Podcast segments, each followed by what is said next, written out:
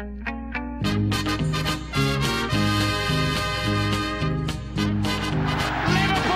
are champions of Europe again. Liverpool are prize winners again. Liverpool is in the record books.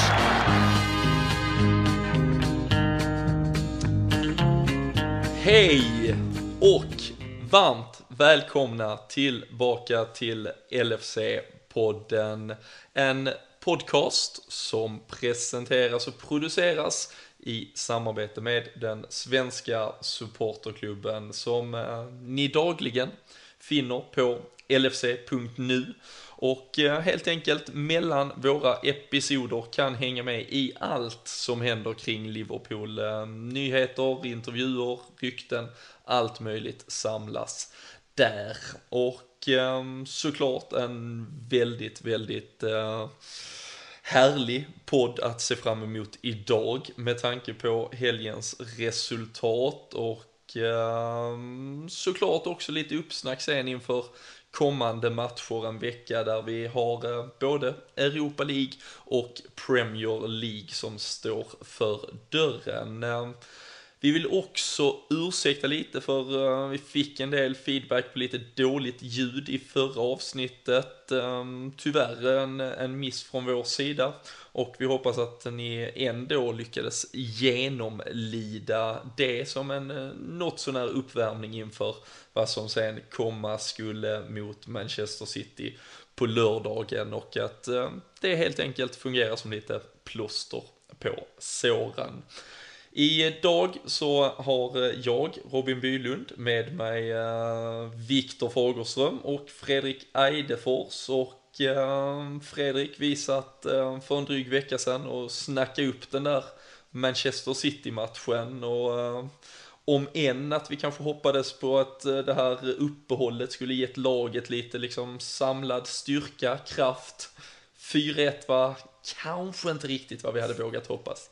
Nej, jag satt snarare och eh, bad till gudarna om att få ett kryss i alla fall med mig innan matchen. Så att eh, den, eh, den vinsten tar jag alla dagar i veckan faktiskt. Mm, vi ska såklart grotta ner oss i allt det där fantastiska som utspelar sig på Etihad i lördags. Eh, och Viktor, du är äntligen tillbaka, Du har haft ett ganska långt uppehåll nu tycker jag.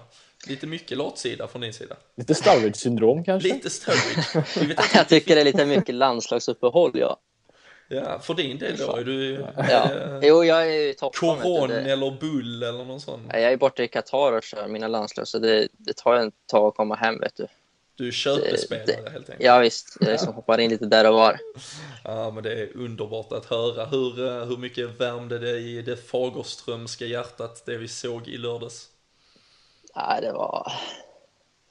Alltså, det är svårt att sätta ord på nästan. Det var helt liksom vad man hade förväntat sig. Jag trodde väl kanske också... Alltså, oavgjort hade man kanske hoppats på. Jag hade inga stora förhoppningar innanför matchen egentligen, men, men liksom den starten och första halvlek och alltihopa var bara helt, inte chockerande, men ja, det, var, det var riktigt magiskt att se hur det fungerar. Och att liksom både kunna spela så bra och få utdelning och även kunna liksom, glida in även över liksom, slutsignalen med det i ryggen och inte kunna braka ihop eller något sånt där. Det är helt eh, otroligt. Mm. Det vi bör tillägga dock, det var ju faktiskt bilen det vi satt och sa där, det var att, eller jag tror jag nämnde det, där att eh, även fast vi var lite skeptiska att vi skulle få en vinst med oss så sa vi ändå båda två att ska vi vinna mot City så är det nog ändå lite nu med tanke på att eh, de saknade några spelare också. Så att vi var inte helt ute och cyklade kan vi väl säga. Men det var ju inte 4-1 vi tippade direkt, men eh, vi var inte helt borta från det kan vi väl säga. Ja, men det är så sjukt alltså, bara att, att ens kunna göra fyra mål. Så det är så många saker. Fyra, kunna göra fyra mål och alltså den starten spelade ut dem så fruktansvärt, liksom, egentligen matchen igenom. Alltså, vi såg ut att vi var ju det bättre laget hela matchen. Det, det var tur att Agüeros mål kom så pass sent där i första halvlek så att vi inte hann riktigt få något. Hade det kommit en kvart tidigare kanske man hade sett oss liksom bli lite mer nervösa och sådär. Men nu fick vi ändå gå in i paus och, och samla oss igen och, och omgruppera oss och liksom kunde rida ut den lilla stormen som kom i, i andra halvlek. Men det var liksom hela hela prestationen var bara otrolig att se. Mm. Nej, och precis eh, som du nämner, för vi, vi tittar ju på ett par spelare de saknade i form av kompani, Silva, vi visste att Agüero var bara nyligen då tillbaka, hade inte varit i träning så länge. Och vi pratar ju också lite om det här med att Klopp nu fick, om än ett spretigt landslagsuppehåll, men ändå fick tid med gruppen. Och eh, när startelvan kom där, om vi, om vi kikar lite på det, så var ju många förvånade av att en spelare som Benteke inte fanns, eller ingen av de här renodlade anfallarna fanns på plan, men eh, en av anledningarna som Klopp har uttalat kring det var ju också att han ville spela så många spelare som möjligt som hade fått tid tillsammans just också. Och det är väl, var väl ett bevis vi såg nu här att det var ett klart mer samspelt Liverpool. Ja, man blir, man blir glad att höra det också med tanke på att det är inte den här favoriseringen längre känns det som. Eller han kanske favoriserar Firmino före Benteke, men det känns ändå så att jag tror faktiskt att hade det varit tvärtom och Benteke hade varit med och tränat då mellan 8 till 10 dagar med laget och Firmino inte hade varit det, då finns det ju absolut en möjlighet att han hade startat före och det tror jag ju Klopp går lite efter. Så att det är kul att se att han går efter det som han tycker ja, lämpar sig bäst för hans lag och det, det är så det ska vara. Mm. Om um, vi ska försöka ta matchen lite och inledningen och, och, och vidare hur den utvecklade sig. Um, jag själv ska ju säga att jag satt på ett julbord när matchen spelades. Uh, ett av de på något sätt när man började se 1-0 då kände man frustrationen, kliet efter att få liksom komma till tvn så snabbt som möjligt. Så blir det när man, så blir det när man firar i juli, november. ja, nej, så, så är det ju. Här, här nere i Skåne fick vi passa på när det kom snö en dag vet du. Men äh, nej, och äh, det ska sägas också, för inflikat senast jag missade en match då vann vi med 6-1 mot Newcastle. Så um, de två matcher jag har missat här så är det 10 mål, så jag kanske ska sluta kolla framöver, men har såklart eh, snappat upp det mesta eh, därefter ändå. Men eh, ni två ska absolut få vara de stora ledande experterna här kring vad som hände på eh, Eastlands egentligen. Men um, vad, vad, tyckte du var eh, bäst i det Liverpool som man kom ut med Viktor här från start och den formation och den attityd vi ändå vågar komma med till Manchester City på bortaplan?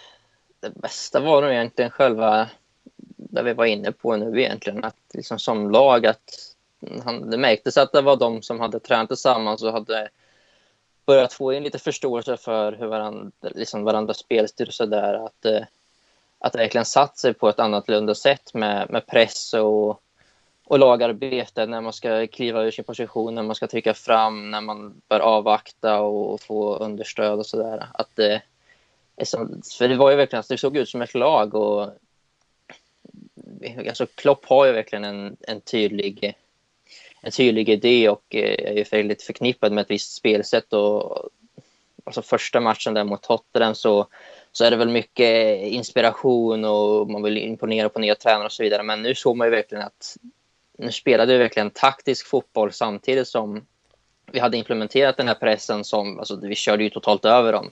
De var ju så rädda, de spelade ju bakåt nästan till hela tiden. Mm. Och det var nog mest det, alltså det att det, det verkligen satt pressspelet och försvarsspelet. Vi, vi, vi jobbade som en enhet och var på grund av det som vi jobbade fram så faktiskt så många chanser. Jag tror två målen i alla fall kommer i och med att vi pressar och vinner boll eller stressar fram sådär till, till lägen. Och vi hade ju liksom, jag vet inte hur många lägen utöver det vi hade som vi kunde gjort fler mål på. Men, nej, men det är nog gruppen som enhet liksom. Mm. Hur, um, hur, hur bra var det egentligen eh, Fredrik om du ska försöka sätta dig i, i paritet till annat du har sett? Eh, så Carragher var ute nu här och skrev de första 30-35 är det bästa han alltså, någonsin använde han i stort sett som liksom uttryck för hur extremt bra det faktiskt var. Är det de växlarna man ska dra redan eller är det liksom kan, alltså hur, ja, vad tyckte du? Ja, det, han har en, en poäng i det. Jag kanske inte den... Jo, man skulle nästan vilja säga det med tanke på att det är på bortaplan också. Att vi har ju aldrig... Vi är inte så bortskämda med det där att vara helt fantastiska på, på bortaplan egentligen de senaste åren. Men jag blev ju så fruktansvärt förvånad över att se hur deras försvar, om vi säger Citys, jag ska inte ta bort någonting från våran del för vi var ju fruktansvärt bra men det kändes som att vi gjorde visserligen om fruktansvärt nervösa, dåliga, statiska hela alltet och det, så det är ju upp till oss men det kändes som att City släppte igenom så fruktansvärt mycket och gjorde ja, många enkla misstag och släppte bollar. Jag vet inte riktigt vad de sysslar med, det har man ju inte sett tidigare men det var nog för att vi pressade dem så fruktansvärt högt då. Det är drömstart eh, också med att, ja. liksom, att två i deras backlinje verkligen får en sån här eh, som man inte vill ha som försvarare, liksom en tidig liksom, bakläxa att fasen, där, liksom, där, där har jag stor del i mål. Liksom Sagna som, om man sköter det bättre, liksom bara kan ta med bollen framåt, men liksom, får bollen lite bakom sig nästan i mottagningen och sen liksom blir helt liksom, embarrassed av Coutinho som bara kommer och kliver in och tar bollen och liksom beskriker efter frispark. Och sen eh, då Mangala som, ja, förklara den om ni kan. Det, kan så, liksom, det är två i backlinjen som åker på sådana där uh, tunga saker för mentaliteten direkt. Och, och det, det tror jag säkert spelade roll för de två. Det är som ja. matchen igenom. Och, men, men det var ju liksom... Det syntes att vi hade... All positiv energi kom ifrån Liverpool och City på egen planhalva var ju verkligen inte sugna på att försöka trä, trä igenom bollen på mitten där. Nej, bara för att avsluta min poäng där bara det jag tänkte säga, det var ju att kolla, de som har möjligheten att kolla, kan, vi kan annars länka den på, på våra Twitterkonto, det är ju när från Monday Night Football igår blir det väl då när Carragher och Neville gick igenom matchen och Neville förklarade varför han var så besviken på City då. Där kan man ju faktiskt få en uppfattning av lite vad jag menar. Att det var inte bara vi som var bra utan de de hade kunnat göra det på så mycket bättre sätt så att det var ju lite synd så sett men eh, vi körde över dem som Victor säger och det jag ska inte försöka ta bort någonting därifrån heller. Nej, och eh, alltså självklart nu som sagt, jag har eh, hunnit snappa upp eh, det mesta här från, från matchen och eh, det är samtidigt inte, man får inte samma känsla, man kan liksom se det lite mer när man sitter och tittar på det i, i efterhand, men, eh, men alltså, det, det, det, känns på så många sätt, alltså det irriterar en så mycket att vi inte får ut det här oftare, för jag vet ju att, alltså vi ser ju idag eller i lördags så ser vi att vi, vi kan det. Vi såg det till exempel Arsenal borta denna säsongen egentligen också första 30-35 minuterna där vi fick deras backlinje att stå och slå liksom, alltså, ja, chansbollar rakt upp i mitten när de kom under stress, eh, när vi har liksom, när vi får intensiteten från en sån som Lukas som, som nu framförallt under Klopp har växt ut till att vara den som liksom styr vårt pressspel där vi sätter den här farten, vi har benen framförallt. i både Coutinho och Firmino som kan agera både liksom offensiva hot och även är väldigt duktiga bollvinnare.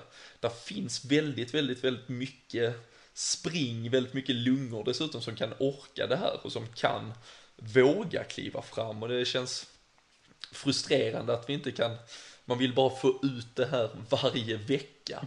Mm. Och eh, det är ju såklart en, alltså det kommer alltid vara lite av en akilles så länge vi inte kan hitta den kontinuiteten och såklart är det mycket att stå och skrika efter den redan efter ja, en månad, en och en halv med, med Jörgen Klopp. Men eh, vad är det som gör fortfarande att vi, är det materialet eller vad, vad är det som gör att vi inte liksom kan eh, få, få uppleva det här oftare? Alltså just nu under Klopp, om det är den vinkeln vi ska ta så, så givetvis är det ju omöjligt att komma som ny tränare och sätta in och få sånt här spel som spelar borta mot ja, de som kommer förmodligen bli ligamästare i maj och liksom göra 4-1 och liksom dominera så pass och, och, inte kunna göra det vecka ut och vecka in. Liksom det, det, det, handlar ju mycket, det är ju mycket taktik också. Liksom, att nu, nu satt du verkligen taktiken och då vart det sån här utdelning. Mm. Liksom, hade, hade Klopp liksom, liksom en viktig del i taktiken nu var, mot City var ju att Lallana och Coutinho verkligen de kom väldigt centralt och jobbade med Firmino nästan som en trea i anfallsspelet. Och, liksom, och det gör ju både då att liksom, det här är ju också ifrån Monday Night Football egentligen med Carragher och, och Neville sådär men de, de lyfter den punkten att liksom, när de spelar så centralt så tvingar ju det både ut City på kanten och de vill spela väldigt centralt i uppbyggnadsfasen och sen liksom, börja plocka ut spelare på, liksom, och singulära ut eh, typ ytterbackar och sånt där. Men eh, och liksom, och samma sak när vi har boll då och vinner boll och ska kontras till exempel, då har vi tre centralt redan. Och liksom, alla är ju inte Cristiano Ronaldo som kan komma i 180 på kanten och alltid vara där på bortre och alltid vara den som avgör. Det är väldigt svårt att vara den spelaren. Men är alla centralt så, så hjälps de åt och liksom alla redan på plats. Liksom, för det ser man på väldigt många av de här lägena vi vinner boll att det liksom, vinner en boll så är de två andra ganska centralt och kan vara med och, och liksom, göra mål eller ta löpningar direkt. Och Men det är väl det som lite vi saknar då i de här hemmamatcherna mot ett Crystal Palace eller mot Southampton och så vidare där vi, där vi får det tufft. Det är att vi har inga spelare som tar de där liksom, eh, de där offr, offr, offringarna och tar de där löpningarna in. För att oavsett så de där skadar alla försvar och tar dem. För de kommer behöva ha, ha koll på de spelarna oavsett om de får bollen eller inte. Så att kan vi ta med det och faktiskt utnyttja det i alla matcher så kommer ju alla de här lagen som möter oss få fruktansvärt svårt. Framförallt när det kommer två, tre stycken. Mm. Då, eh, så att det kanske vi kommer få se en skillnad. Kanske mot Swansea redan till helgen, det vet vi inte. Mm. Nej, För vi har men det är ju så att ja, vi har ju två hemmamatcher nu här som på pappret då är liksom enkla motstånd i form av Bordeaux och Swansea och som du nämner där Fredrik, Crystal Palace var ju såklart en besvikelse, Southampton slutade ju tyvärr med ett poängtapp i slutet där på hemmaplan, men vi har liksom radat upp en ja, Stamford Bridge-triumfen och nu här på på Etihad, är det att uh, där också läggs med, är det kanske lättare till och med för en tränare som Klopp att, att läsa av de här storlagen, han har åtminstone mött dem någon gång. Har de en tydligare spel i det, är det lättare att vara liksom taktisk mot alltså, bra lag än att vara det mot lite sämre lag. Det är nog mindre press också som, som spelar borta mot, det är ingen som förväntar sig att vi ska slå City på bortaplan men så fort vi kommer hem så känns det lite som att det blir lite eh, lite rädsla för att göra bort sig lite på hemmaplan men har vi samma inställning på hemma som bortaplan då kommer vi någon gång inom snar framtid troligtvis vara ligaledare kan jag garantera om vi lyckas få ordning på det hela vägen och det, det tror jag starkt på. Så att jag tror det blir mindre press att göra det på en bortaplan mot City och Chelsea för att eh, det känns lättare på, på det sättet. Kan jag, men sen är det ju som du säger att eh, de andra har ju fler eh, bollskickliga spelare oftast i de här storlagen och då blir det lite lättare att kunna plocka ut dem med sådana som är lite mer, ja, som inte man vet vart man har dem riktigt. Mm. Och eh, ni har ju nämnt det redan såklart, Roberto Firmino och Coutinho också. För den delen, den eh, duon och ej att förglömma en Adam Lallana som eh, på alla sätt och vis var, var involverad en, en hel del också offensivt. Men eh, självklart så sticker två exotiska brassar redan, eller väldigt gärna ut i, i mängden här. Och eh, ett genidrag såklart med Firmino på topp och eh, vad deras relation och den, eh, ja, den synergin och den som finns hos dem, hur, eh, hur mycket kan det komma att betyda för Liverpool framöver, Viktor? Alltså, de, Coutinho vet ju vad han är vad han kan. Liksom. Det, hans senaste år har han ju verkligen tagit stora kliv och även om han hans största problem nu är egentligen att han är ganska har ganska oregelbunden form så, men jag vet ju vad han kan och just nu liksom har han ju presterat i match efter match. Mm, den är ju ändå och, klart mer, eller mindre oregelbunden nu ändå. Än ja, det känns som att eh, toppen är lite mer reglerad också. Att eh, mm. Det känns lite mer, lite mer av ett säkert kort nu än vad det gjorde för ett år sedan kan man säga så. Men, eh, och för Mino vet vi som har kollat en del i Tyskland och och så att det är en riktigt vass spelare och nu fick vi ju se att alltså man ska inte säga att han spelar ur position egentligen för han har ju spelat han har spelat det för Brasilien, han har spelat det för Hoffenheim ibland och ibland liksom nästan som en second striker och alltså han visar ju man ser verkligen vad han har för kvaliteter. Han, han har ju en liten touch av Suarez i sig där med på något sätt liksom det, så det här lugnet med bollen och blicken och att han ändå kan liksom, ha spelare runt omkring sig, vara pressad och ändå hitta rätt lösning. Och liksom kylan. Liksom, när vi hade fått in ett mål eller två när han började liksom, leka lite med Demichelis tror jag han lyfte bollen över dem två gånger och sådär. Men Ja, det, alltså den duon kan ju verkligen blomma ut till något fantastiskt för båda är unga, båda är brasilianare och båda lär väl komma med i brasilianska landslagssamlingen som kommer upp mm. om inte Dunga blundar igen. Det, det, är märkligt att båda de Ja, nej, de, slapp de, de, spelar sig klart närmare och närmare um, åtminstone. Det skulle vara det, det lär väl eh, vara inom en mm. snar framtid, de är ganska regelbundna ja. där. Um, tycker men de, ja. det är ju en väldigt, men det är ju en väldigt eh, intressant duo, så att de är de har lika kvaliteter på några sätt, men de är ändå ganska olika i, i spelartyper. Att Coutinho är ju ofta den mer som ska vara, kommer lite djupare och ska hämta boll och den som liksom accelererar anfallsspelet medan Firmino är den som ska ligga högre och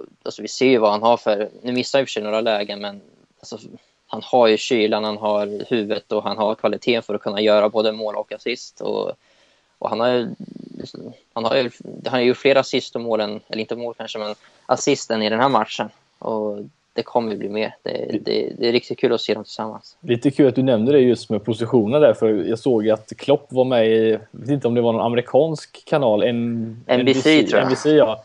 Och då hade de ju eh, liksom sett honom vid, vid sidlinjen då, att han stod och skrek på Firmino eh, inför andra målet och då sa han ju då det han hade sagt till honom att du, du är anfallare, du ska stå där uppe för vi har ingen annan som kan som står där annars och det som händer direkt efter är att han snappar upp en boll som Lucas Leiva vinner mot Fernando där i, eller Fernandinho eller vem det var och helt enkelt så gör vi ett, ett 2-0 mål direkt efter och eh, det var ju för att han hade droppat ner så långt ner i matchen tidigare men sen sa han till honom att hålla sig där uppe och då, då såg vi hur det gick helt enkelt.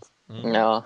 Det känns också som att uh, snacket om uh, den där transferkommittén har dämpats lite sen uh, Jürgen Klopp började ta hand om materialet. Det har inte varit så många som har orkat engagera sig i vem som har blivit värvad och hur de har blivit värvade utan uh, plötsligt så är det ett par spelare som blomstrar på fullaste allvar i, i rätt positioner bland annat. Och, Firmino ett sånt exempel känns det som. Ja, och även Alana som du sa det som inte är en, eh, en kloppvärvning eller som mer var en Rodgers-värvning. Att han kan även få spelare som kanske inte han hade köpt att faktiskt jobba på det sättet han, han vill och det är ju väldigt imponerande eh, att se dem göra på det sättet. Samma med Lukas som var inte ens i, i truppen för, för några månader sedan. Så att, eh, det, är, det, är kul, det är kul att ha honom som tränare kan vi väl säga. Mm. Men det känns ju väldigt typiskt för hur det är när en ny tränare kommer in. Att liksom, speciellt så här när det är så tidigt på säsongen och så långt till nästa ögonsfönster. Att liksom, det gäller ju bara att jobba med truppen och få ut så mycket du bara kan. Sen kommer det säkert bli mycket transfersnack när vi kommer in i slutet av december och det kommer florera rykten och så. Men liksom första prio nu är ju bara att jobba med truppen du har. Och, och ofta så är det ju några spelare som man inte, som man inte riktigt trodde på som liksom får det här uppsvinget. Och liksom Lucas som du säger och Lalana. Och de har ju verkligen, de har ju verkligen höjt sig. Och, och det, det, hade man kanske inte förväntat sig egentligen. Men, speciellt inte Lucas kanske. Men det, det, det känns som att det är en sån sak som brukar kunna hända när det kommer in en ny manager. Mm. Och liksom, du säger så här med favoriseringar och så, att det kommer in en ny tränare så, så startar ju alla på ny kula egentligen. Det, alla får en ny chans och liksom alla, den här glöden kommer tillbaka till allihopa. Så, så är det ju sannoliken och Lukas Leva har, har jag i alla fall nämnt, nämnt, nämnt tidigare här också. Tycker det är, jag tycker att det är en spelare som absolut förtjänar det här lyftet. Eh, vi får se, eh, det är mycket möjligt att han på, på alla sätt och vis ändå inte blir otroligt långvarig eh, i, klubben, det vet man inte. Men hade varit fint om han fick, när tiden väl är kommen så tror jag hade det känts bra om han fick lämna på ett, ett haj och inte som liksom någon spelare som man sålla ut och hade på läktaren innan han lämnade klubben i alla fall. En, en trotjänare som jag tycker förtjänar mer och visar med, med råge att han har, och, har att leverera när han används rätt och är ju absolut inte en typisk defensiv mittfältare utan eh, är ju ganska, alltså han vill ju, han vill ju stöta fram och vi vet att han kan stöta fram med både framgång och med eh, lite, lite klumpighet ibland men, eh, men sätter ju ett jävla energiavtryck på matcher ofta. Och eh, i ett klopplätt Liverpool så är det ju liksom optimalt egentligen med en sån eh, motor. Ehm, sen kan man säkerligen hitta spelare i den positionen som bidrar med mer konstruktivt men ehm, för stunden en högst bidragande faktor till ehm, det positiva Liverpool vi ser just nu tycker jag åtminstone så det känns jäkligt skoj. Nu ska jag inte hänga ut honom men hade han liksom man klagar ofta på honom är att han är så jäkla långsam till en av liksom grejerna och hade han varit liksom normalsnabb där så hade inte Aguero gjort det där målet. Men det är långt ifrån den enda grejen i den situationen. Men... Martin kanske ska ta en, en gnutta också. Ja, ja, vad fan, alltså hade inte, jo, jag ska inte gå in på det. Nej. Vi droppar det. det vi gör det. Men... Gröna vi vann. skogar. Vi, vi vann, vann den matchen. Vinst. Men just uh, efter 3-1 målet också, sen uh, kom vi ju till en, uh, en halvtid där och uh, Klopp sa ju faktiskt efter matchen att liksom spelarna såg ut att vara i chock i stort sett. De, alltså de förstod ju inte vad som hände, att de kunde liksom leda. Med 3-1.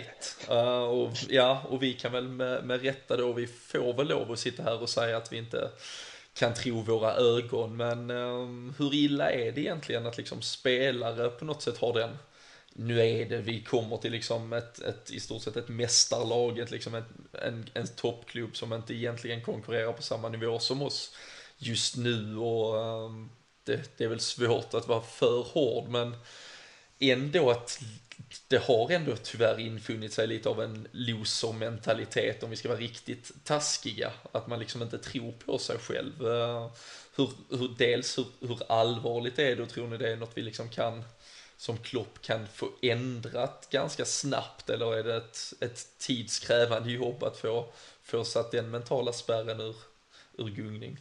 Det tar ju lång tid att få in en sån grej kan jag tänka mig, men frågan är om inte spelarna kanske mer var chockade över hur enkelt de kom igenom kanske och inte snarare att de liksom ledde matchen och sådär, utan det hoppas man mer att det för att det var ju väldigt lätt för oss att komma igenom det försvaret i första halvlek. Det var ju nästan löjligt eh, liksom five-a-side fotboll som Gary Neville sa. Det, så ska det inte se ut på bortaplan mot City egentligen.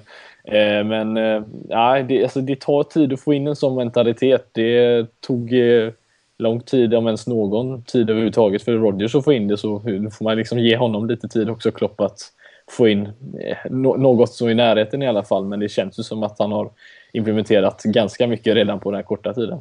Men vi har ju gått i, eller varit i en nedåtgående spiral i Ja. Alltså innan Klopp kom så vad kan det ha varit? Liksom en 15 månader i alla fall där det liksom inte har, har gått särskilt bra och det har varit konstiga resultat och det har varit upp och ner och liksom ingen stabilitet i varken klubb eller liksom, liksom det, det har flyttat iväg på många olika nivåer som vi har varit inne på tidigare att det liksom, kom ihåg inför eller i slutet av förra säsongen vi pratade om att liksom, ska Rodgers stanna eller gå och även om han går så, jag visste inte, det kanske behövs, men det är inte enda problemet som fanns i klubban just då.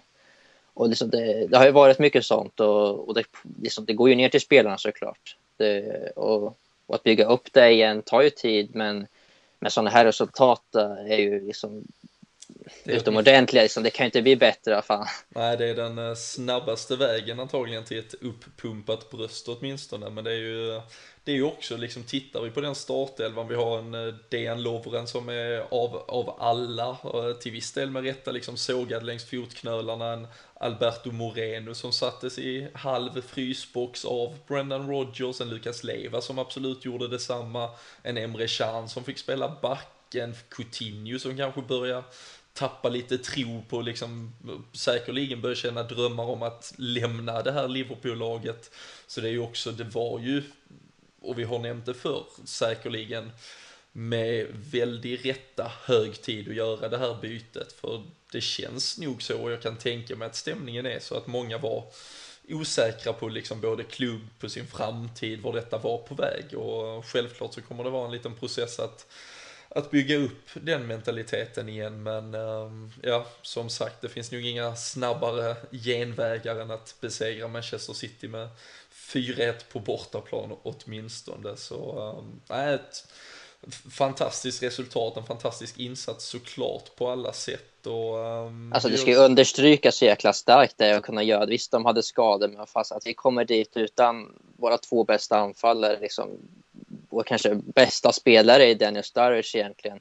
Mm. Liksom utan vår bästa innermittfältare Henderson och lagkapten Henderson och liksom vår bästa mittback. Och det, är liksom, det är riktigt, riktigt, riktigt starkt. Och, och det, det, det, är liksom nästan, det är nästan chockerande av något fan att, det, att vi klarar det med, med de eh, förlusterna som vi ändå hade på skadekontot. Ja, för det var egentligen dra det över till City att de, de få ursäkter som City kunde leta, det var ju en saknad av en kompani, en Otamendi, någon mittback, en David Silva, men alltså krasst sett till vår trupp och vad vi hade så saknar vi ju nästan mer kvalitet än vad de gjorde på så sätt. Så uh, nej, såklart extremt imponerande och um, kanske på många vis en av de absolut bästa insatser som ett uh, modernt Liverpool har stått för under, uh, åtminstone om vi tar en, en tidsperiod där på den, de första 35-40 minuterna, alldeles enastående fotboll. Något specifikt annars, nu har vi varit inne på mycket Coutinho Feminio, Klopps idéer, Lukas Leva till viss del, något annat Fredrik du tycker stack ut från City-matchen? Eh, det var väl möjligtvis alltså själva spelet mellan spelarna, alltså framförallt om jag tänker då, om vi bortser från klacken som Emre Can gör fram till Coutinho, det 3-0 målet, men just hela alltet, att vi såg så himla eh, luriga ut med bollen. Alltså det är så ovanligt att se oss göra sådana här kortpassningsspel och spela ut dem, hålla en triangel eller en fyrkant och spela runt spelare. Jag tyckte att det var jag blev väldigt överraskad av att se oss göra så många gånger just i den här matchen. Det var ju inte bara att det var en spelare utan det var flera av dem helt enkelt. Så att, att vi var så duktiga på ja, se så ja, sexiga ut om man säger så då. Det har vi, inte, det har vi liksom inte fått se så mycket utan det kanske bara varit ja, några, ja, attack och så mål. Utan det här var ju en helhetsgrej då, som höll på ganska länge under hela matchen. Och det, det hoppas jag vi kan få se mer av, för det var roligt att se den här matchen. Där har vi headlinen till podden i alla fall. Sexiga Liverpool. Ja, nej, men så, äh, nej, men så var det ju. Det var, äh, jag satt ju där på kvällen och när det väl ploppa in, man kunde se mål efter mål och uh, det var ju verkligen, uh, ja, klapp-klapp, lite rysk, so eller sovjetiskt klapp-klappspel på vissa, under vissa stunder och alldeles enastående att uppleva. Viktor, hade du annars någon, någon spelare eller något specifikt som du tyckte stack ut? Alltså, jag vill egentligen hylla Firmino egentligen då som, som gör det så fruktansvärt bra i om en eh, ovan och inte van position och mittemellan.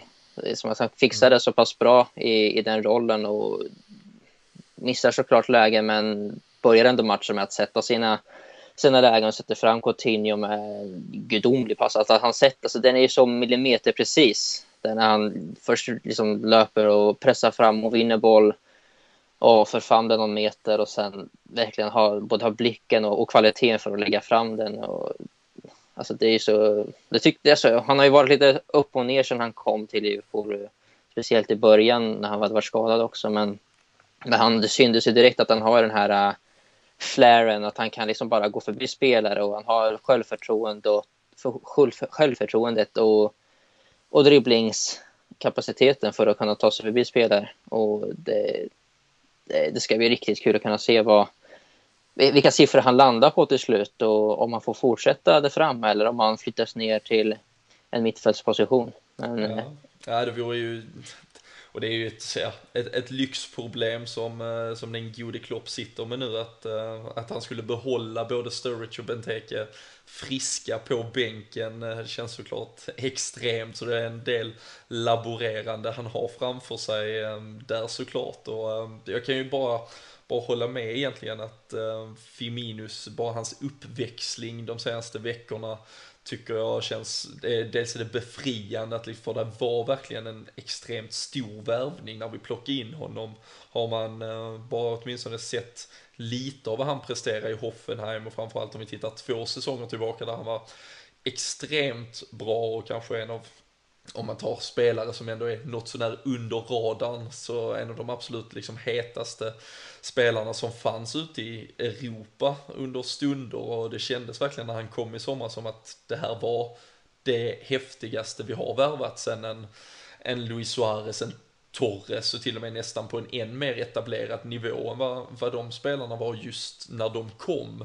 Så att han får växla upp, att han får liksom kliva fram, eh, det, det, det, det ska kunna vara skillnaden mellan ett Liverpool som på allvar liksom trycker på för eh, de topppositionerna i Premier League än att vi eh, ligger och harvar där bakom. Så uh, mer Roberto Firmino, det, det gillar vi och uh, han, det, det, det vore slöseri om inte han blev en riktigt, riktigt stor spelare för Liverpool, för det tror jag finns alla möjligheter för honom att, att bli åtminstone. Så det... Sen får vi ju inte glömma att eh, Touré var ju den bättre brorsan på mittfältet också i den här matchen. Som kom in i eh, 84 minuten, eller när kom mm, han in? Fan vilken match han hade. Han var ju bättre än vad, vad Yahya Touré var på mittfältet dessutom.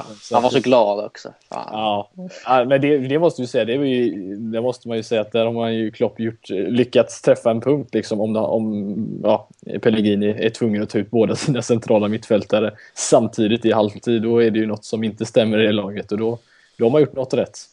Sannoliken. Um, det lilla, lilla smolket möjligen. Vi hade en Coutinho som fick uh, utgå visserligen bara en lättare, lättare skada och uh, tros ju nu stå över mot Bordeaux åtminstone, men vi håller tummar och tår för att han är tillbaka mot uh, Swansea och um, vad tyckte ni? Var det skönt att vi fick behålla Daniel Sturridge på bänken i 90 minuter också? Slapp slösa på honom. Mm. Ja, det är mycket bra. Alltså jag kände väl innan match att, eh, jag tror jag skrev det på Twitter också, att om vi kan, kan vi hålla det så att det är någorlunda jämnt till minut 70 sådär, så, så kommer ju han garanterat komma in. Men, men i och med att vi hade ett sånt jäkla flow och hade 4-1-ledning där och vi vad kom med 3-4-1 mål, det var väl 70 någonting. Nej, det var ju senare än så faktiskt. 81, 81 ja. var det till och med.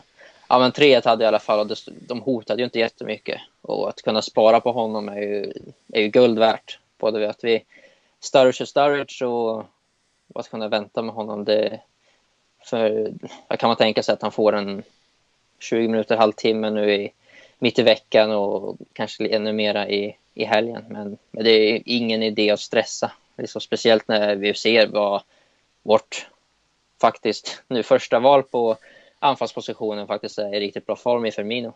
Mm. Det, så det är, det är topp. Ja, intressanta eh, problem möjligen som då kvarstår vad gäller eh, laguttagningarna här i eh, veckan och vi kan väl eh, även eh, hur rolig den där matchen än var så får vi ändå försöka paketera ner den här i slutändan och ta oss vidare mot vad som komma skall. Vi har som sagt Bordeaux som väntar här i Europa League, femte omgången i gruppspelet. Vi har dem hemma på Anfield på torsdag och sen därefter då Swansea till helgen. Vi har ju en möjlighet nu att verkligen skaffa oss ett ett stabilt läge i den där Europa League-gruppen och ehm, ja, beroende på resultat såklart, men vi kan verkligen koppla greppet här om vi, om vi kör över eller åtminstone besegrar Bordeaux här. Ehm, vad förväntar vi oss inför det här Viktor? Vi har ju haft extrema problem med att spela just Europa League, Premier League. Vi har inte vunnit en enda gång i ligan efter en Europa League-match och nu är det ju verkligen två matcher vi, ja, vi har sagt det för men två matcher vi måste vinna. Um, såklart med möjlig liten fördel då att vi har båda hemma på Anfield, men uh, vad förväntar du dig av uh, Bordeaux-matchen och inställningen, laguttagningarna till den? Om jag inte läser tabellen helt fel så om vi vinner nu hemma mot Bordeaux så är vi ju klara. För då har vi en säkrad andraplats i alla fall. Och men eh, oavsett, liksom det, vi vill säkert gå för första platsen också, så jag, jag, förväntar mig inget annat än ett riktigt, riktigt starkt lag. Jag tror det inte blir lika mycket förändring som det varit senast när vi hade cupmatch. Eh, liksom Sturridge, tror jag, jag tror inte vi kommer in liksom med, med honom från start. Och visst, vissa spelare kanske kan behöva lite vila, liksom sån som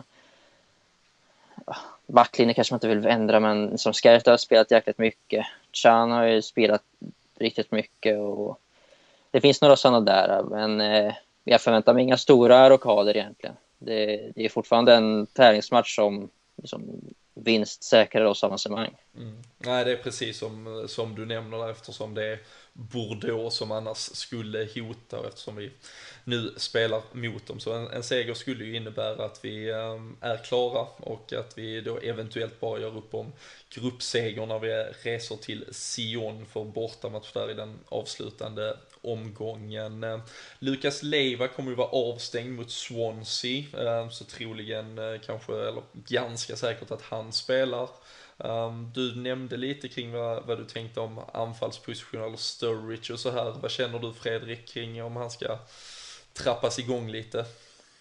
Ja, ingen start skulle jag vilja säga. Eh, utan oftast så känns det som att en spelare kommer in där när det är en 30 minuter, 20 minuter kvar. Då, då, då är det oftast, matchen är ju igång, den har pågått, det är liksom mer intensitet än vad det är när den startar. Så att perfekt för honom att komma in liksom i hetluften direkt. Så att eh, hoppas inte han startar utan det är kanske en, ja, en Benteke får göra eller något sånt där. Och, eh, sen vet man ju inte, som du sa det med Lukas då, att han kanske är så att han vill ha, om Allen nu till exempel spelar på den platsen till, till helgen då, eh, att han vill att han ska spela in honom direkt och då kanske han redan startar en sån här match också. Så att det, men jag tror inte heller att det blir så stora förändringar, det tror jag inte. Men eh, Sturridge får gärna starta på bänken i alla fall. Mm. Nej, där är väl så att säga, en, en Emre Can, det känns som vi, vi nämner honom alltid, men han spelar ju ändå alltid. Han verkar ju ha... Han är ju överallt. Så. Han är ju alltså gjord, skapt som en häst, den mannen eller något. Han springer och han orkar och såklart var ju iväg på ett eh, extremt tufft, eh, åtminstone mentalt sett, landslagsuppehåll dessutom med, med Tyskland och går in och bara fortsätter leverera och man chockas varje gång sen av att han är liksom 20, 21. Så det är en, eh, en, en bisarr eh, fotbollsspelare nästan som bara tickar på här men det känns som att, eh, att han behöver vila någon gång. Så uh, vi får väl se här, kanske blir Lukas Allen annars så att man åtminstone får in Allen i, i lite form och att Lukas så kan spela av sig här mot Bordeaux och sen vila mot uh, Swansea. Men lyxproblemet annars är ju vår offensiv. Vi har nämnt Firminios fantastiska form, men Daniel Sturridge som nu är tillbaka på allvar, en Christian Benteke som trots allt har varit den som har klivit fram vid stunder och gjort sina mål. Och eh, när vi då kliver över mot Swansea, mot Premier League och även om vi kanske blickar lite mer framåt, vad, vad tror ni om den där offensiven och vad tycker ni är vårt bästa alternativ just nu? Alltså just nu så känner man inte att man vill ändra särskilt mycket för Sturge kan man liksom inte... Ska man sätta ut en elva nu så kan man inte räkna med att Sturge kan gå in och bara starta sådär men, men ska man ändå gå på om alla är friska och hela så, liksom ska man välja en front fyra med Lalana, Firmino, Coutinho, Benteke, Sturridge och, och Ibe så, så ryker liksom, eller ja, den, start, den, den starttrion blir väl ändå Firmino, Coutinho och Sturridge. Det är, det är svårt att... Liksom, Lalana har ju faktiskt varit bra, det ska vi inte liksom, hålla honom kort för, men, men det är ju liksom helt annat att få in en Sturridge där och, och Firmino är ju mycket van vid en roll lite lägre ner i banan ändå. Mm. Så, så det... Och så ska man bara sätta ut spelarna så, så tycker jag att det känns... Det är svårt att formulera det på ett annat sätt, men, men hur, liksom det, hur det kommer te sig nu eftersom man måste ändå liksom eh, få in Sturridge lite, lite smått i spel och, och Benteke vill ju ha speltid såklart och, och Ibe har ju verkligen fått ett uppsving under Klopp så att, och liksom de som spelar har ju faktiskt presterat. Så att det finns ju många så de slåss från många fronter med olika utgångspunkter och det vi hoppas verkligen att vi kan ta oss vidare i Europa League och, och andra cuper för att det ska bli mer matcher så att eh, som alla ska kunna rotera så att det inte blir att man att Klopp tvingas låsa sig fast vid en, som en starttrea egentligen som han kanske ändrar lite då och då. Men att vi kan rotera och alla får speltid. Mm. Och vad tror ni annars kring det? För nu pratar du ganska uteslutande om den där trean. Det har ju varit en lite variation på den här 4-2-3-1 kontra en 4-3-3. Han har varierat sig en del. Vad tror ni blir det som sätter sig? Var det den här 4-3-3 modellen nu som, som kommer vara det vi bygger på framöver också? Ja, det känns nästan lite så med tanke på, ska man, ska man ta ut det bästa laget så möjligtvis om man tar bort en Lalana sätter Firmino där Lalana är och låter Sturridge spela där Firmino var nu mot City, då kanske man har den det laget som, som presterar. Men då är det återigen en fråga vad, vad Milner ska, om han ska vara, få en plats på mittfält eller yttermittfält eller vad han nu ska, ska vara. Så det är, ju, det är ju så omöjligt nu när han har så många alternativ. Det har vi ju nästan aldrig haft tidigare i Liverpools historia känns det som. Så att det, det kanske blir en hel del överraskningar framöver varenda gång vi ska få en laguppställning. Mm, där ska dessutom in en Jordan Henderson i den ja, kortleken också innan precis. vi kan blanda och ge. Så nej, sannoliken uh, lyxproblem för den gode Klopp. Uh, vad var du på väg med där Viktor? Alltså, att det är egentligen det, alltså att ska jag spela den här fyra ja, 3-3-formationen som man ändå får säga att det var nu mot City så alltså speciellt mot lite bättre lag så är det jag föredrar att med att vi har alltså, centralt mittfält har ju inte varit någon, någon stark punkt för Liverpool på många, många år. Och att vi har tre där inne samtidigt som vi har två ytter eller ytterforwards om man ska, om man ska kalla det så som ligger lite centralare och som har bra arbetskapacitet så, så hjälper det väldigt, väldigt mycket liksom för understöd för centralt mittfält. Vi blir väldigt mycket mer kompakta och blir mer enhetliga Medan kanske liksom möter vi, alltså nu Swansea hemma, nu är Swansea ett bra lag men de är, har ju dålig form så men liksom där, det kan man ju vilja ha in, liksom, kan man säga att vi tar ut ja, nu kommer inte Milner sätta sig på bänken i den matchen, men kan man ta ut honom och sätta in en Sturridge på topp istället och droppa Firmino lite så... Däremot så, så måste ju en Lukas ut och en James Milner kanske kan i så fall ja. med bilda ett, ett tvåmanna mittfält med, med ja. Rechan Men oavsett vem av de tre man tar ut så, så kan liksom, är vi hemma och, och möter liksom ett lag som ligger plats 10 till 20 så, så är det ju mer eh, liksom, man, vill, man vill ju gärna ta ut ändå av mittfältstrion där och, och ta in en Sturridge eller Benteke och, och få in ett extra hot. För det, det ska ju inte behövas en sån pass eh, kompakt defensiv, eh, så mycket säkerhetstänk hemma mot ett Palace eller Stoke och sådär. Även om Palace nu satte dit oss. Det, liksom det, ju men det är ju så att ju mer vi spelar tillsammans och ju mer tid Klopp får, ju mer liksom kommer ju det här sätta sig, hela spelsättet och idéerna och, och sådär. Så att det kommer inte behövas att säkras lika mycket mot liksom, sämre lag. Och på samma sätt som, som det ges alternativ i form av spelarmaterialet så att ha både åtminstone då en 4-3-3 och en 4-2-3-1 att, att variera sig med. Som sagt nu, nu har vi en Lukas Leva som saknas till helgen. Vi kanske kan ge lite friare vingar, lite offensivare utgångspositioner och, och på så sätt kan man laborera in det för att den vägen skapa en plats åt, åt Sturridge eller Benteke eller vem, vem som nu hade kunnat eh, kliva in där. För det, mm, som sagt, förhoppningsvis så kommer vi attackera på många fronter i många kupper. Men ehm, att det krävs ju såklart hålla, hålla igång den här truppen och, och vi blir ju såklart, vi kommer alltid att bli ett svårare lag att, att, att alltså att möta, att, att ställas inför om vi, om vi har överraskningsmomentet, att vi inte är så genomlästa, att vi har en tydlig spel i det ska ju såklart vara väldigt uttalat och viktigt tror jag för, för både resultat och för, för framgång. Men eh, att kunna som nu, jag kan ju inte tänka mig att City ens hade på sin agenda att det skulle bli ett anfallslöst Liverpool som kom till start av Benteke eller då till och med liksom en Sturridge var ju säkert vad man satt och väntade på. Så um, nej, ju, ju mer vi kan slänga in i den där mixen och uh, komma ut med överraskningsmoment så uh, lär vi skapa större huvudbryn för uh, motståndare framöver. Kanske blir så att vi inte alls har en spelidé utan att vi efter vi anpassar oss helt efter på ett sätt och så blir det att det går aldrig att läsa oss, det vet man ju inte heller. Det är, det känns som att vi ställer upp med två olika lag varje gång vi spelar hemma och borta och så blir det annorlunda varenda gång nästan. Och eh, så länge vi vinner så eh, kommer vi aldrig att klaga. På det. Nej, precis. Exakt. Men vad tror ni om den här? Eh, bryter vi eh, dels den negativa trenden av att inte ta en Premier League-seger efter en Europa League-match? Eh, du nämnde Swanseas ganska usla form. Gary Monk är ju från att ha varit så hyllad nu hög favorit här att eh, få lämna jobbet härnäst, till och med värre än vad Steve McLaren har det i Newcastle enligt eh, bookmakers. Eh, men både Bordeaux först Fredrik och sen Swansea, vad, vad, vad tror man? Det är ju lätt att sväva iväg kanske efter 4-1 i lördags. Ja, det, det är lätt att det blir så, men vi ska man försöka hålla sig lite kvar på jorden så tror jag ändå att det är så pass gott, gott flow i laget just nu så att eh, jag skulle nog säga att två raka vinster, det är det vi kommer få se.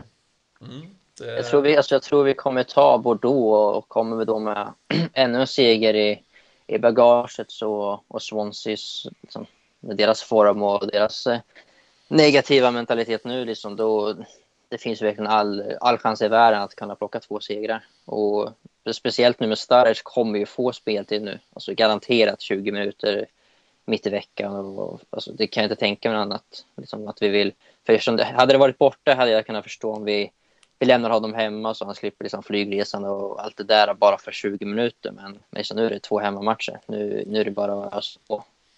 Då, liksom, får han liksom 20 minuter i, i vardera match så så tror jag verkligen att... Eh... Så är det målgaranti. ja, men nästan. Alltså, han har ju ett sjukt jäkla ja, snitt. Ja. Så, nej, men det, det ser positivt, positivt ut kan man verkligen säga. Ja, det är svårt att, um, svårt att klaga. Jag, jag, jag, jag, tror som ni, jag känner en uh, enorm optimism inför det här. Uh, det ska bli väldigt, väldigt kul att se lite hur, hur laget reagerar också om man nu liksom behåller den här attityden. Det hade varit häftigt att se om man liksom verkligen kom ut för att skrämma skiten ur Bordeaux. Eh, självklart har ju Bordeaux-spelarnas liksom sett hur vi kunde agera mot ett Manchester City och ehm, det vore nästan dumt att då liksom inte utnyttja det mentala försprånget som man kanske har där och bara kliva ut och, och köra och framförallt om vi får se en ganska ordinarie startelva dessutom. Ehm, jag tror eh, 2-0 mot Bordeaux, 3-1 mot Swansea. Fredrik Eidefors, vad tror du att uh, veckans matcher slutar? 3-0, 2-0. Och uh, Viktor Fagerström? Jag ska inte säga 2-0, inte säga 3-0. Fasen, vill ju ha en hållen nolla där, men uh, 3-1 första matchen och 2-0 andra matchen. Ja, 2-0 från båda er då va, på Swansea helt enkelt. Och mm. uh, själv tror jag 3-1 där då. Uh, måste ju bli lite mål på Anfield också för en gångs skull. Det har ju varit... Uh, Han frågade efter det Klopp nu och göra liksom något sånt där liknande nu på hemmaplan. Och det, Ja men en 5-0 är ju egentligen vad som behövs här men vi eh, ska ju ja. inte stå och gapa efter allt för mycket för då mister vi hela stycket. Ja nu börjar vi glida iväg lite. Så eh, ja men vi vet att vi ändå, eh, det, det är något sådär nyanserat så länge Viktor Fagerström inte tippar 4-0 varje vecka så vi, vi håller oss fortfarande i. Ja men det funkade ju fan ett tag. Ja det gjorde ju skrämmande nog det nästan. Men ehm, kan ju nämna att det tyvärr inte var någon heller som eh, hade optimism nog att tippa 4-1 till Liverpool mot just City. Och eh, därmed ingen som vann i vår eh, tröjtävling som vi körde tillsammans med Sam Dodds på vår Twitter. Eh, men eh, nya chanser, nya tag kommer nu här mot Swansea på söndag. Så eh, känner ni att ni nu vet bättre hur den här matchen kommer att sluta och i vanlig ordning försöka att inte inspireras av oss det har inte gett resultat tidigare. Så håll utkik, tävlingen kommer att dyka upp i slutet av veckan. Det är bara att se till att följa oss på Twitter och så eh, retweetar man och tippar resultat, målskytt och eh, minut för det sista målet så har man alltså chans att bli en Liverpool-tisha rikare. Men eh, med de orden grabbar så tycker jag vi knyter ihop säcken tackar för oss. Eh, vi eh, fortsätter njuta lite till av det som var i lördags och blickar med tillförsikt fram mot torsdag och söndag och eh, så hörs vi igen om en dryg vecka. Ha det så bra.